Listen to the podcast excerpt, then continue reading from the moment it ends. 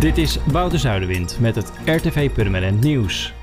Er is een bouwer gevonden voor de nieuwe parkeergarage bij het stadhuis in Purmerend.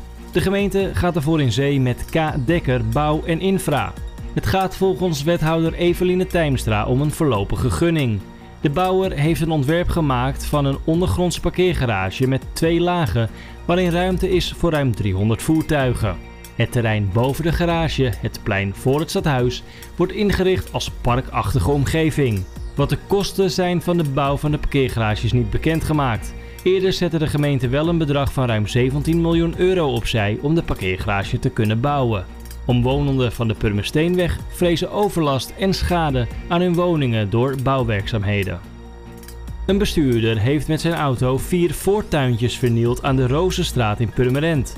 Zelf raakte hij gewond bij het eenzijdige ongeval. Door een onbekende oorzaak verloor de automobilist de macht over het stuur. De laatste tuin was betegeld waardoor de auto met een klap tot stilstand kwam. De bestuurder is gewond naar het ziekenhuis gebracht. En het melden van een kapotte lantaarnpaal in Purmerend wordt een stuk makkelijker.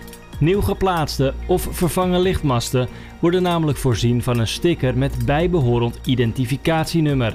Volgens raadslid Koen Lageveen is het voor inwoners regelmatig lastig om vanwege het ontbreken van zo'n nummer een kapotte lamp te melden. Omdat de komende jaren de lantaarnpalen worden omgebouwd naar energiezuinige ledverlichting, kan er meteen een nummer op de paal worden gezet.